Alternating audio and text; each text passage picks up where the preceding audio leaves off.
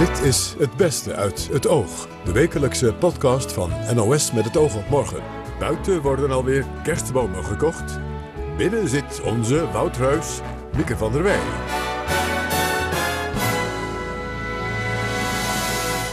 Ja, ik weet niet of dit nou een, uh, een aardige omschrijving van mezelf vind. Ik had mezelf toch iets eleganter gedacht. Maar vooruit, het zal ongetwijfeld goed bedoeld zijn.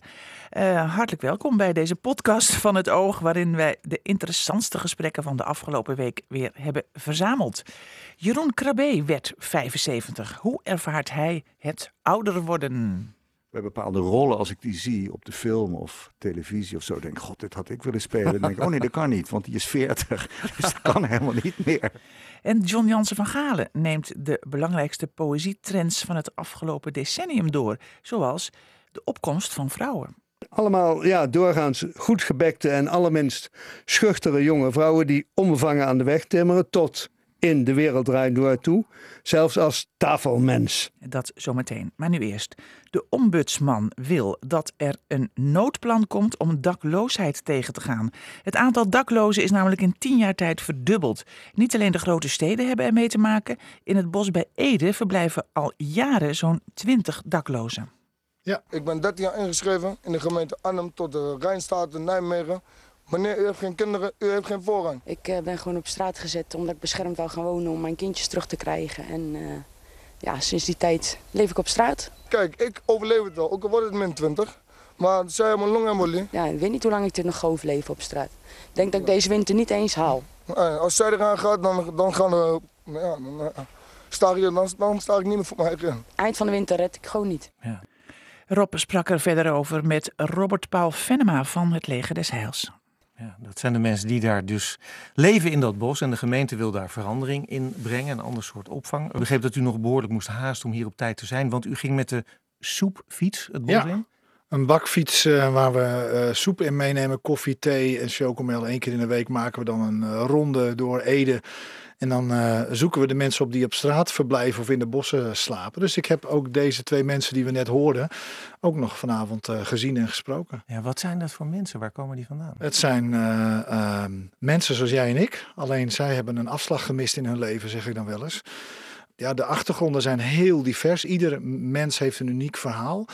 Het zijn uh, voor een, een, deel zijn het mensen die ook echt in Ede, Wageningen of omgeving uh, komen. En daar uh, soms met familieproblemen, echtscheidingen, overlijdens.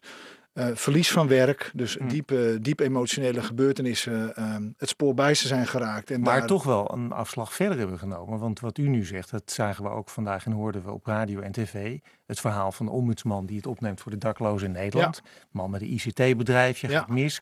Ja. In de maar dit zijn mensen die in het bos wonen en ja. vaak al jarenlang. Ja, en dit zijn ook mensen die um, voor een deel die ook niet in andere voorzieningen uh, terecht kunnen. Omdat er, um, nou, daar zijn ook verschillende oorzaken voor. Soms is het uh, omdat er de middelengebruik, alcohol of drugs, ertoe leidt dat een bepaald gedrag komt waardoor ze niet te handhaven zijn in een groep. Het is nog een groepsproces. Je moet voorstellen, we hebben een opvang in Ede waar 40 mensen uh, bij elkaar wonen. Wel aparte woonunits waar ze in verblijven. Maar met z'n veertigen, met allemaal een rugzak vol problemen, is een hele eigen dynamiek. Dus vandaar dat het leger zelfs ook wel voorstander van is om dat soort grootschalige opvang af te schalen. Dus daar eigenlijk mee te stoppen en te zorgen dat je kleinere woonunits krijgt, meer verspreid over een plaats. En dat, dat, dat raakt dan ook aan het feit, vang mensen niet op in een opvang. Maar tegenwoordig heb je ook het principe housing first. U heeft een probleem, wij zorgen eerst voor een huis. En dan gaan we met, met een probleem aan het werk. Ja, maar nog even deze mensen ja. in het bos. Hoe, ja. hoe, leven die daar? Hebben die iets boven hun hoofd? Of hoe moet je dat uh, die hebben, uh, er zijn mensen die tenten hebben. Dus een, een, het grootste deel heeft een, een tent waar ze in verblijven. En hoe, daar zorgen ze zelf voor? Of? Uh, daar, soms krijgen ze ze. Uh, van de mensen die, dat, uh, die, die, die, die, het, hun lot aantrekken. Uh, nou ja, er stond ook in de krant dat ze soms ook op niet-wettige wijze aan de spullen komen. Ja, dus dat, dan zorgen ze dat ze een tent hebben? Dan zorgen ze dat ze een tent hebben. Maar ook van die grote plastic zeilen die je bij, bij een grote winkel kunt kopen. En, en die hangen ze dan over de takken heen. En dan verblijven ze. Dan hebben ze karton op de grond of een matras die ze ergens bij het grof vuil vandaan getrokken hebben of wat dan ook. Maar dat is toch niet te doen ook nu het kouder is en zo? Nee, nee dat, dat, dat, en daar, daar zijn we met elkaar ook als leger zelfs een andere organisatie binnen Ede ook druk over, over mee bezig geweest. Om te kijken van ja, vinden wij het als samenleving kunnen dat we mensen in bossen laten slapen. Want waarom zitten ze niet bij u in de opvang? Nou, wat ik al zei, er, er zijn een aantal mensen die hebben ook wel, zijn ook bij ons verbleven.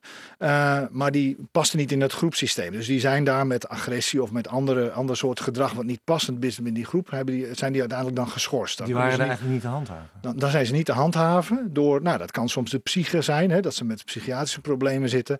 Of door de ernstige verslaving. Maar dan waren dit mensen die dan vroeger, hè, dat klinkt altijd zo vroeger, maar een aantal jaren terug in instellingen zaten? Of hoe werden ze vroeger dan opgevangen? Nou, nou de, de, de, wat je vaak ziet is een soort knipperlichtbeweging. In een instelling, uit een instelling. In een instelling, uit een instelling. Dus dat, ze, dat, dat het gewoon in hun gedrag of in hun middelengebruik niet te handhaven Maar nu zitten ze blijkbaar permanent zo'n beetje in die bossen. Een deel zit nu permanent in de bos en er zijn oplossingen voor te vinden, woonoplossingen, die je dus inderdaad wat geïsoleerd van die samenleving, aan de randen van de samenleving, waar ze in feite als in een psychose zitten of in iets anders, wat, wat het gedrag, hè, hun gedrag zo uitzonderlijk maakt dan.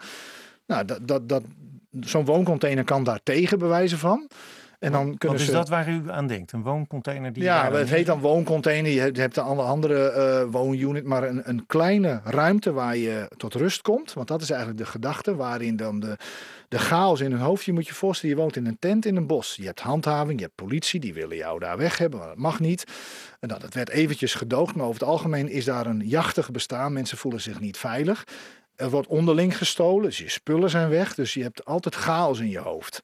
En zo'n woonunit of een wooncontainer kan helpen op stabilisatie, dat ze tot rust komen. En vanuit die rust is er misschien weer een mogelijkheid om tot hulpverlening te komen. Nu staan ze ook niet open voor hulpverlening. Maar willen ze wel wonen in die wooncontainers dan, zoals u nou, dat voorstelt? Daarin, wat, je dan, wat dan de gedachte is van de gemeente Ede, is dat ze dan ook wat nadrukkelijker gaan handhaven. Want er is nu geen aparte voorziening voor deze mensen. Er is nu niks buiten het bos, zeg maar. Mm.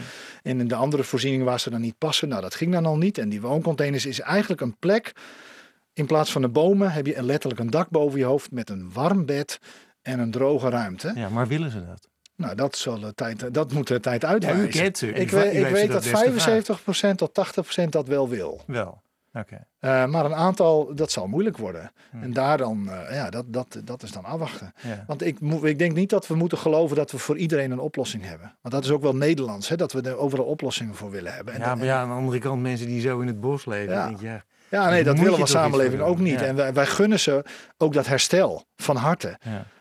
Um, en, en, daar werken we ook aan. En daarom hopen we dat, dat nou, we, we, weten het ook uit ervaring uit andere locaties, dat als je een stabiele plek levert en er is rust, dat er vanuit die rust hulp kan komen. Maar in de afgelopen tien jaar het aantal daklozen ja. verdubbeld, hè? Ja, dat, dat zijn die mensen bij u in het bos, in Ede, die natuurlijk helemaal extreem ja. Ja, dat zijn, dat zijn ook schrijnende, uh, schrijnende uh, getallen, vind ik het ook. En, en eigenlijk mag je ook wel zeggen, je mag je wel een beetje schamen. Wat de, de staatssecretaris ook al Die zei. hoorden dat zeggen, maar toen dacht ik al toen hij dat zei, ja, jij bent degene die er wat aan moet doen. Ja, Denk en je, hij doet dan, zit, dan zitten we elkaar allemaal te schamen. En uh, ja. ons zelfs te schamen en er gebeurt niks. Ja. Nou, gelukkig dat wij er nu over spreken vanavond. En dat vanavond al eerder over gesproken is. Dus ik, er is wat in beweging. Maar we zijn er nog niet. En ik denk dat we. En, en, en dan komt die stikstofcrisis er nog overheen. Uh, maar er zijn oplossingen te Voor die woningen, hè, bedoelt u? Voor die woningen. U zegt het is ook een woningnood. Een ja, het is een woningnoodprobleem. En er zijn hele moderne oplossingen met kleine flexwoningen. Waar, ze, waar wij die huisvestingkant wel iets kunnen doen. En ik denk dat daar ook de grootste sleutel ligt tot de oplossing. Een goede huisvestingsbeleid met woningen ook voor die onderkant van de samenleving. Als je 75 wordt, is het hoog tijd om het wat rustiger aan te doen. Zou je denken tenminste. Voor acteur, regisseur en kunstschilder Jeroen Krabbe geldt het niet. Hij werd afgelopen week 75 en sprak met Wilfried de Jong over oud worden. Wat zegt zo'n leeftijd nou? Helemaal niets. Nee? Nee, ik, ik vind dat. Nee, ik heb eigenlijk nooit bij een leeftijd stilgestaan. De eerste keer dat ik schrok van een leeftijd was toen ik 30 werd. Dat is ongeveer 500 jaar geleden. Ja, dat klopt. En dat vond ik een vreselijke leeftijd, omdat ik dacht: nu is alles voorbij. Niet wetende wat er allemaal nog kwam natuurlijk. Eh, eh. Nee, ik heb echt niks met leeftijden. Nee, maar wat was er dan rond die dertigste? Haal dat eens even op. Nou, omdat, ja, nou, omdat ik vond uh, twee kinderen, verantwoordelijkheid. Uh, en ik dacht ook, moet ik nou mijn hele leven doorgaan met alleen maar op het toneel te staan en in een bus te zitten? En dat soort vragen kwamen er opeens bij me op, terwijl ik daar nog nooit over had nagedacht. Niet wetende dat ik een hele andere carrière nog zou krijgen. Ja. En hoe, speel je, hoe speel je dat spel dan eigenlijk met die leeftijd, Jeroen? Ja, is dat een spel? Nou ja, je, je, gaat Nou- er- als je zegt bij 30 had ik nog een probleem, maar daarna ken ik niet meer. Nee. heb je er een manier voor gevonden. Nee, ik heb gewoon altijd ongelooflijk hard gewerkt. En dat had niet met mijn leeftijd te maken. Ik heb natuurlijk nooit een beroep gehad waarbij ik op een dag iemand tegen me zei: Nou, nu ben je te oud en nu moet je maar met pensioen of zo. Want dat is niet met eh, spelen en het is niet met schilderen. Dat is leeftijdsloos. Dat kan je tot je laatste snik kan je dat doen. En ik heb eigenlijk nooit gedacht: eh, God, ik ben nu zo en zo oud. Het is zelfs zo dat ik nu denk bij bepaalde rollen, als ik die zie op de film of televisie of zo, denk ik, god, dit had ik willen spelen. Dan denk ik, oh nee, dat kan niet, want die is 40. Dus dat kan helemaal niet meer. Ja, maar zou, Maar het, zou ik- het kunnen zijn dat, dat, dat, ja, zo noemen de mensen dat dan als je ouder Ja. bent en je werkt hard, dat je de dood op je hielen hebt, dat je dat zo voelt? Geen, Nee, geen schande hoor, trouwens. Nee, nee, nee, nee, nee. Oh nee, ik heb, ook, ik heb verder ook niks met de dood. Dus het is net alsof ik totaal oppervlakkig door het leven zweef, wat ook niet zo is. Wou net Maar, vragen. Nee, maar het enige wat aan deze leeftijd kleeft en wat ik vervelend vind, is dat ik heb dus kleinkinderen. Ik heb negen kleinkinderen. De, de jongste is zes maanden oud en de oudste is twintig. Eh, en al die leeftijden. En ik, van de laatste die nu geboren is, denk ik: God, hoe lang zal ik haar meemaken? Kan ik nog meemaken wat voor soort vrouw of wat voor soort meisje dat wordt? Dat vind ik vervelend. Dat, Ja. is, dat, dat is voor mij iets waar de, waar de leeftijd dan telt. Niet in mijn eigen leven, maar in het beleven van die kleinkinderen. Daar telt het in voor mij. ja, dat wil je eigenlijk het liefst zo lang mogelijk meemaken. Ja, tuurlijk. Nou ja, omdat ik het met de eerste, eh, eh, de, de eerste kinderen die toen geboren zijn, die zijn eh, 19 en 20 en 17 en, enzovoort. En da- daar zie je wat voor mensen dat worden. Dat is ongelooflijk leuk. Maar van zo'n klein wezentje, dan denk ik, jeetje, ja, dat vind ik vervelend. Ja. Ja, hoe lang zal ik die meemaken? En dan, ja, nou ja, enzovoort. En- en ik ga er omgekeerd helemaal niet denk- over nadenken. Nee, maar omgekeerd denk je dan ook van, god, ik, ik gun die kinderen zo lang mogelijk nog een leuke opa? Ja, zeker. Maar dan zie ik voor me dat ze het geestig vinden om mijn rolstoel te duwen of zo. Wat ze helemaal niet geestig vinden. Maar nee, het, het, Ja, maar het nou, je, een- nou zeg je volgens mij, iets- net heb je nog afgeklopt, nou zeg je iets waar je tegenop zit. dat dat een keer kan gebeuren. Nou, eh, nee, want ik heb wel gezegd dat ik nog goed van lijf en leden ben. Nee, dat ik, ik ben nog niet krakkemikkig. En dat is natuurlijk een enorme eh, zegen dat ik dat niet heb. Ik werk me helemaal echt rot. Eh, ik, ik heb een vol jaar lang nu ben ik met Chagall bezig. Eh, Daar heb ik nog tien dagen te gaan. Volgende week ga ik tien dagen naar Rusland om de laatste eh, periode te draaien. En ik heb zelden in mijn leven zo hard en zo geconcentreerd gewerkt als op die series die ik maak. En dat Ja. vind ik fantastisch. Ja, dat is en het dan heb je helemaal geen tijd om na te denken. Je, je bent 75. Nee, maar goed, je bent, je bent ook slim en niet naïef. Dus er is toch altijd een moment van contemplatie. Al is het maar tien minuten. Jij zal als kunstschilder toch op een gegeven moment voor een doek staan en één streek zetten. En eens even, Wilfried. even over het leven nadenken. Ja, Wilfried. Ik denk heel veel over het leven na. En waar kom je dan op uit? Nou, dat het leven niet over mij nadenkt. Dat ik gewoon doorjaag. Dat vind ik. Ik, ik, ik vind het onzinnig om. Natuurlijk komt het bij me op. Natuurlijk. En met name als ik een glaasje gedronken heb, wil ik nog wel eens weemoedig terugkijken. Maar ik ben niet zo van terugkijken. Ik ben heel erg van nu. Eh, en van, god, wat, wat is het volgende wat ik ga doen? Wat leuk, ik ga weer iets anders doen. En dan ga ik dat weer doen en dat weer doen. En dan sta je niet stil bij het feit dat je eigenlijk uitgerangeerd bent. En dat je eigenlijk in een tehuis moet gaan zitten, geloof Ja, ik. want dat vind maar zo voel, je, zo voel je niet en er is ook geen reden toe, Nee, begrijp nee, ik. Lichamelijk nee, en geestelijk niet. Nee, absoluut niet. Nee, absoluut niet. Ik heb heel goed contact met jonge, jongere mensen, met jonge collega's. En beschouw mij als een van hen. Ik beschouw me niet als een oude man waar je tegenop moet zien. Totaal. Ik vind het ook vreselijk als mensen u tegen me zeggen. Daar heb ik helemaal niks mee. Ja, ik be- bedacht me dat ik al met jij begonnen ben. Terwijl we hebben elkaar misschien één of twee keer gezien. maar dat geeft Nee, dat nee, geeft nee, dus ben je gek. Nee, dat zou ik bespottelijk vinden als je u zou zeggen. Maar nee, maar dat, het- het- u geeft ook een leeftijd aan. Heb je dat zelf niet, dat mensen, jonge mensen u tegen je zeggen? Eh, ik heb Ja. het, ja, ik heb het al. Dat krijg je al vrij snel eigenlijk in een winkel. Dat ik denk, doe het nog maar niet. Ja, precies. Maar, maar het, is Ja. ook een, het is ook een plezierig verzet dus tegen het feit dat je echt een keer oud wordt. Ja, nou ja, ik ben natuurlijk echt nu oud. Het- 75 is gewoon echt oud. Dat, dat, dat, dat- v- vroeger toen ik, eh, laten we zeggen, 20 was of zo... en ik ontmoet iemand van 75... dan dacht ik, ja, waarom lig je niet in je graf? Daar, daar hoor je thuis. Ja. Het is enorm, Wilfried, het is waanzinnig veranderd. Toen ik jong was, waren mensen van 60 uitgerangeerd. Nu is dat totaal anders. Het is verschoven op een of andere manier. Ja. En ik doe niet me jonger voor dan ik ben, helemaal niet. Ik ben soms ook wel uitgeput en moet een tukje doen smiddags. Maar het, het is meer dat ik. Uh, er is, is, nog zoveel te doen, vind ik, in het leven. Er is nog zoveel wat ik wil doen en wat ik misschien ga doen of niet ga doen interesseert me niet. Uh, en waar, waar, als je zegt van uh, als ik ja. een borreltje neem en dan kijk ik wel eens met weemoed heel even terug. Waar, ja, waar ja. even toch even terugkijkend op 75 jaar Jeroen Krabbe. dat lijkt wel een project. Maar waar, waar, waar zit dan de dip? Nou, bij de mensen die je kwijt bent geraakt. Along the way. Dat is wat me uh, melancholiek maakt. Omdat het, dat is wel wat de leeftijd brengt. Is dat er een heleboel vertrekken. Ja. En, wie schiet je dan dat, nu te binnen, Jeroen? Uh, Martine Bijl Mhm. mm -hmm. schiet me te binnen. Ramses, omdat het net tien jaar geleden is, wat ik vreselijk vond. Nou ja, zijn van Rutger, het begin van dit jaar, dus een leeftijdgenoot, ja. die was ook 75 geworden. Gek genoeg, dus, de mensen die je noemt zijn eigenlijk ook mensen die heel flamboyant in het leven hebben gestaan en vooruit hebben geleefd, lijkt het. Ja, ja, oh ja, dat is misschien wel zo. Nou ja, Ramses natuurlijk uh, in, op een enorme manier. Ja. Nee, maar, maar dat is ook familie, familieleden. En, en waarvan je dan denkt, god, wat heb, ik, wat heb ik daar eigenlijk veel van geleerd? En wat, wat fijn dat ik die heb mogen ontmoeten. En dat ik daarmee heb mogen spelen of uh, heb mogen praten.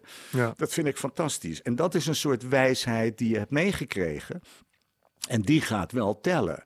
Die, Ja. die telt omdat het een zwaarte geeft, een mooie zwaarte, aan zo'n leeftijd. Jeroen Krabbe, 75 jaar. In de Amerikaanse stad Los Angeles worden tienduizenden bomen geplaatst. Want, zo zegt de burgemeester, schaduw is een privilege in de stad. Rob sprak erover met Amerika-kenner Laila Frank. LA is een stad van extreme, extreme rijkdom. De rijkdom van Hollywood en uh, van de glitter en glamour. Maar ook van extreme armoede. 60.000 daklozen en een heleboel mensen die op dit moment hun huur niet meer kunnen betalen. En als je kijkt naar de stad, dan zie je dat in de rijke delen de bomen staan en de schaduw is. En dat in de arme delen er eigenlijk heel weinig groen is. En dus ook weinig schaduw. Ja, en heeft hij dan over palmbomen trouwens? Want daar denk je heel snel natuurlijk aan. Nee, ja, de, de palmboom is, hè, dat is het icoon van Los Angeles. Maar dat is eigenlijk vooral esthetisch. En dat past ook wel bij de stad, want er is een hoop esthetisch. Ja. Uh, voor de schaduw uh, hoef je dat niet te doen. Nee, dus uh, er wordt ook over gesproken om een aantal van die palmbomen weg te halen en daar mooie, bladerrijke, schaduwrijke bomen neer Waar te je zetten. meer aan hebt natuurlijk, in Precies. de bescherming tegen de zon. Ja. Ja. U heeft daar zelf gewoond in Los Angeles? Ja, ik heb de afgelopen twee jaar af en aan in, in LA gewoond. En schets eens, die straat, stonden daar bomen of palmbomen? nou, ik woonde in het iets minder rijke deel, dus daar, daar waren niet zo heel veel bomen. Er was heel veel hitte. Daar was vooral heel erg veel hitte, ja. En dat is ook waar het de burgemeester eigenlijk over gaat. Hè. Het gaat hem eigenlijk over twee dingen. Ten eerste is het de strijd tegen de klimaatverandering. Dus het wordt steeds heter in de stad. Nou, het helpt als je bomen neerzet, want dat haalt de luchtvervuiling ook weg. Als je luchtvervuiling weggaat, heb je ook minder gezondheidsklachten. Het is leuker voor je wijk. Dus aan de ene kant is het een, een maatregel in een groot pakket aan maatregelen tegen klimaatbestrijding. Maar tegelijkertijd is het ook een maatregel om de sociale gelijkheid wat groter te maken. Want die rijke wijken hebben dus inderdaad ook minder luchtvervuiling en ze hebben ook minder gezondheidsklachten. Ja, en rijden mensen natuurlijk in heerlijk airconditioned auto's, hebben huizen Absoluut. die cool zijn. Ja, dus Ja. Het, uh, uh, en dat is het ook. Hè. Een van die, uh, er worden heel veel bomen geplaatst, bijvoorbeeld bij bushokjes in de armere wijken. Uh, want als je kijkt Nu, naar de. door wat hij wil. Ja, door Ja. wat hij wil. Dus als je kijkt bijvoorbeeld naar de rijkere wijken, dan staan daar nog wel bushokjes zoals wij die ook kennen, hè, met bescherming. Um, en als je dan naar de arme wijk gaat, dan staat er een paal met een bord erop met uh, informatie die niet klopt. Die vertelt je niet hoe laat de bus komt. Of als het wat erop staat, dan klopt het niet. En dat komt ook omdat de, um, de, het plaatsen van die bushokjes is uitbesteed aan commerciële bedrijven. Die daar geld aan verdienen door advertenties. En in de rijke gebieden kan je daar nou eenmaal veel meer geld vervangen dan in de arme gebieden. Nou, waarom is dat nou belangrijk ook. Um, als je dus in een arme wijk woont en je moet al, je hebt het geld niet om uh, de auto te nemen, dus je doet al twee keer zo lang over je reis omdat je de bus moet nemen. En er is ook nog eens geen schaduw. En het aantal warme dagen in de stad neemt toe. De luchtvervuiling op die plek waar jij op de bus staat te wachten is ook nog eens schadelijker. Het is niet gezond allemaal. Het is een opeenstapeling van factoren die maakt dat de burgemeester zegt schaduw dus ook. En bomen zijn eigenlijk een schaarste product. Ja. En speelt dat nou ook in andere Amerikaanse steden? Er zijn andere steden natuurlijk ook waar het heel warm is. Hè? Eh, ja, en je ziet ook dat eigenlijk uh, bijna alle steden in Amerika op hun manier worstelen met klimaatverandering en er maatregelen tegen treffen. Ik was in Virginia bijvoorbeeld vier weken geleden. Dat ligt aan de oostkust bij het water. En daar gaat alles over de uh, stijging van, van de zeewaterspiegel. Ik was in Florida en daar zitten heel veel boeren, net als in Californië trouwens, die gewoon te maken hebben met grond die droger is. Er valt minder water. Um, steden worstelen ermee. New York City worstelt ermee. In Chicago zijn ze nu ook aan het kijken hoeveel bomen hebben wij eigenlijk. Phoenix, Arizona begint nu de heetste stad ter wereld te worden. Dus daar worstelen ze ook met hoe zorgen we er nou voor dat die hitte geabsorbeerd wordt en dat dat niet vast blijft zitten. Ja, maar dat is in een land waar de president zegt dat hele klimaat, dat zal me eigenlijk een zorg zijn. Ja, en het leuke is dan van, en van Amerika ook, hè, je hebt de federale overheid, die kan wel links willen, maar er zijn meer dan twintig staten in Amerika en ook een heleboel steden die hebben gezegd, wij committeren ons wel aan de klimaatdoelstellingen in Parijs. Dat is ook hè, LA bijvoorbeeld, die heeft daarom ook deze maatregel genomen. Dus ja, Trump kan zich wel terugtrekken, maar uh, de eigenheid die steden van gaan gewoon door. die steden ja. gaan gewoon en die door. kunnen dat ook. Ja. Die kunnen dat ook. Die en nog even over Los. Angeles. Over hoeveel bomen hebben we het dan eigenlijk? Uh, wat moet je daar echt van voorstellen? Welke aantallen? Nou, dan, oeh, dan heb ik hem even niet scherp, maar volgens mij gaat het wel bijna om 110.000 bomen. Dus dat zijn echt forse aantallen. Hoe krijg je die geplant in korte tijd? Ja, dat de, de ambitie is één ding en het uit, uitvoeren is twee dingen. Nou, uh, bewoners zelf kunnen bijvoorbeeld een boom aanvragen bij de gemeente. Um, en dan wordt die ook voor je geplant. Er is een heuse chief bomenofficer aangesteld. Die uh, is ook echt aan het bekijken waar moeten we dat doen. Dus er wordt ook echt en er wordt gewoon geld en aandacht uh, um, ingestopt. Want ja, geld helpt ja. een hoop. Zij nu zegt van je moet het aan de ene kant kun je het zien, dus uh, het klimaat. Aan de andere kant gaat het over minder ongelijkheid in die stad. Ja. Wat dat betreft, dat laatste, moet er natuurlijk wel heel veel meer gebeuren als je daaraan denkt. Kan je, ons... je, kan wel bomen neerzetten, Ja. maar er zijn die mensen niet mee geholpen als het gaat om gewoon wat ze verdienen en hoe hard ze moeten werken en hoe weinig Nee, en geld ze krijgen. dit is het grote dilemma en het grote pijnpunt van LA, maar ook van Californië. Er is een enorme inkomensongelijkheid. Er is een enorm tekort aan woningen. Eh 60.000 daklozen alleen al in Los Angeles. Ehm, eh, ehm, en dan ben je er niet met een paar bomen. Ehm, maar goed, alle kleine beetjes helpen. zei Leila Frank. Het aanbreken van de laatste maand van het decennium bracht de oogredactie op het idee om eens terug te kijken op belangrijke veranderingen in de poëzie van de afgelopen tien jaar. Onze eigen John Jansen van Galen ziet vier grote trends. Eerst deze ontwikkeling. De comeback van het engagement in de poëzie. Simon Mulder, die kenner is van de tachtigers, die vergelijkt het huidige tijdsgevricht met het eind van de 19e eeuw, toen dichters het laar pour laar, het de kunst alleen omwille van de kunst achter zich lieten en gemeenschapskunst wilden maken. En dat zie je nu ook in toenemende mate weer. Niet dat er nou veel politieke linkse gedichten worden geschreven. Het nieuwe engagement is meer uh, maatschappelijk. Meer aandacht voor de buitenstaander, voor de buitenwereld, dan voor het ik en de binnenwereld. Hmm. En verder? Ook, ook in het oog springt is de opmars van jonge vrouwelijke dichters. Uh, Radna Fabias, Hanna van Binsbergen, Marieke Lucas Rijneveld, Vicky Franke. Te veel om op te noemen. Fabias won als 31-jarige met haar debuutbundel meteen maar de Grote Poëzieprijs, waarvoor ook Hanna van Binsbergen, 25, genomineerd was met haar debuut. En dit zijn allemaal ja, doorgaans goed gebekte en allerminst schuchtere jonge vrouwen die onbevangen aan de weg timmeren tot in de wereld draait door toe. Zelfs als tafelmens. Ja, Marieke Lucas die Ja. is tafelmens. Ja. En eh, betekent dat dan ook, dat zou je denken, dat er meer bundels van vrouwelijke dichters uitkomen dan van mannen? Nou, dat dacht ik ook. En ik ben ijverig gaan zitten turven. En er werd gezegd, vroeger was het eh één op de drie bundels is van een vrouw. Nou kan je inmiddels vertellen, in de laatste jaren is nog steeds minder dan één op de drie bundels van een vrouw. Ja, nou, de cijfers die zijn, Jammer. eh, die hebben Ja. altijd gelijk. Ja. Wat valt er verder op in het voorbije decennium? Nou ja, wat in het oog springt is natuurlijk de opmars van spoken word. Dat is poëzie die niet geschreven en gelezen wil worden in de eerste plaats, maar uitgesproken en gehoord. Waardoor dus eh, ritme en cadans heel belangrijk worden. En er is daarin verwantschap met eh, rap en hip-hop. En die dringt nu zijdelings ook door in de mainstream poëzie.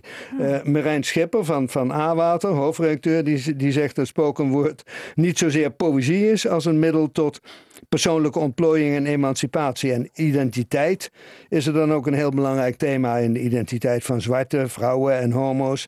Enfin, u, vindt een heel mooi overzicht allen van spoken word in eh Bab Schons boek Hardop.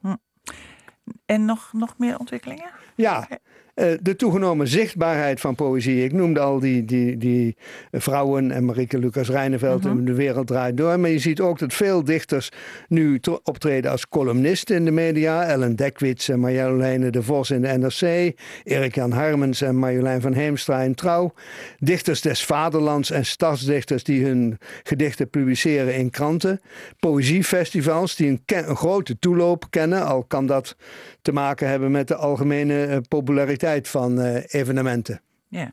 Nou, dat klinkt eigenlijk allemaal best wel goed. Ik zou zeggen, het gaat goed met de poëzie. Wordt er ook meer verkocht? Ja, nee, ja, dat is, daar wordt heel verschillend over gedacht. Ik sprak een uitgever die zegt het is nog beroerder dan voorheen. Je mag blij zijn met 200 à 250 verkochte exemplaren van een dichtbundel. Volgens een ander trekt de verkoop wel degelijk aan. Die zei nou, het wordt nu gemiddeld 400 als het oudere dichters zijn. Maar jongeren, zoals Lieke Marsman en Ellen Dekwits, die scoren gemakkelijk boven de 1000. En dat is heel veel, hè? Dat is heel Ja, veel, ja, ja, ja. En als een dichter bovendien door de televisie gepusht wordt, zoals wijle Menno Wigman, die dan eh, met zijn verzamelde gedichten Boek van de Maand wordt, en Levi Weemoed, die opeens door Uskan Akjol gepromoot wordt, of eh, Tim Hofman, tv-personality in his own right, dan is er qua verkoop geen houden meer aan. Dat zijn echt verkoopsuccessen. Maar vaak gaat het dan, behalve bij Wigman natuurlijk, om light verse. En dat is altijd al populair geweest. Denk Ja? maar aan eh, Kees Tip, eh, Ivo de Wijs, eh, Toon Hermans. Misschien is Tim Hofman wel de nieuwe Toon, Ja? denk ik. Ja. Oké. Dan, we houden natuurlijk van lijstjes, hè? De mooiste drie gedichten van het afgelopen decennium. Ja, daar werd ik een beetje mee overvallen. Dat is natuurlijk een heel persoonlijke keus. Maar ik kies uiteindelijk voor eh, drie gedichten. En het derde is een gedicht van Hagar Peters uit De Dichter is een alleenstaande moeder. Dit gedicht van dit jaar. Op de vlakten van, eh, op de vlakte van het verstand heerst rampspoed. Op dat slagveld van gedachten raken naakte waarheden slaags met elkaar en met het gelijk aan hun kant. Daar is het nacht. Alleen de brede, onwetende liefde, die soms opkomt 's ochtends als de zon, brengt nachtmerries om. Haga Peters eh, op drie en op, eh, op nummer twee. We Wijlen maken er Menno gewoon een Wegman lekkere wedstrijd met van. Ja. 2000 zoveel. 2000 zoveel. Nacht, krant, lamp. Zolang je letters leest, werkt je verstand. Mijn tv, die niet weet dat ik besta, bewoont een kamer waar ik alles zie. Zag laatst een leeszaal waar een meisje sliep en droomde later van bibliotheken waar ieder boek een boekwerk zat te lezen. Proest om Lenin, Hitler om Warhol geeuwde. 2000 zoveel. Pixels, steeds meer pixels. De nieuwsdienst pokert met je hoofd. Geloof niet in vrede, geloof in roem. De drift waarmee we alles overdoen. En duizend dikke Elvissen maar stralen en juichend vaart een oorlogsbodem uit. Te zeggen dat we niks geleerd. Volgt een citaat verluchtigd met een woord als God, ras, haat. En het, ja. Allermooiste Ja. blijf ik vinden het winnende gedicht van onze eigen Turing Poëziewedstrijd in 2014 van eh, Mieke van Zonneveld. Ja. Welkom Mieke. ja, zij is hier in de studio. Verrassing. Nee, het gedicht nee. Ja? Ze zat. Nee, ik zei dat het een verrassing was. Ja, Dat zelf- dat, dat, dat is wel. een, dat is een Dat verrassing. heet nee. Ja, ze zat hier al die tijd al. Maar eh, leuk. Nou, Mieke, ja, dat is ook wel leuk om weer eens een Mieke te ontmoeten. Ja. Ze sterven uit, hè, de Miekes. ja, dat zei je volgens mij vorige keer ook. Ja, eh. nou, dat Ja. zit, me- het zit me enorm dwars. Je ziet ze alleen nog maar in overlijdensadvertenties staan. Maar een, geboorte, eh, een geboortekaartje Homa. Maar goed, dit even terzijde. Eh, ja, je mag je gedicht dus zelf voorlezen. Oké. Nee. Soms was er een aarzeling. Een kleuter op het strand die met zijn emmertje uit wassen ging. Ik zei: Ik ben niet vies, maar toch bedankt. En hij: Natuurlijk ben je vies geworden, overal ligt zand. Ik werd lamlendig wakker. Op al mijn wegen nooit één teken, maar in dromen worden ze bij menigtes gegeven. Ooit nam ik niets in acht. Ik volgde de bekoring en zij heeft mij niet meer thuisgebracht. Er is in heel de wereld nergens vrede. Geen vader die mij terug verwacht. Er is in heel de wereld nergens vrede. Er was in mij iets opgestaan dat niemand wist te temmen. Het joeg me op, beloofde me een wilderig bestaan. Begeerte, zei mijn vader, is de wortel van het kwaad. Ik leerde dat het waar was, maar ik leerde het te laat. De uitgestrekte leegte frat me op en heeft me uitgebraakt. Er is in heel de wereld nergens vrede.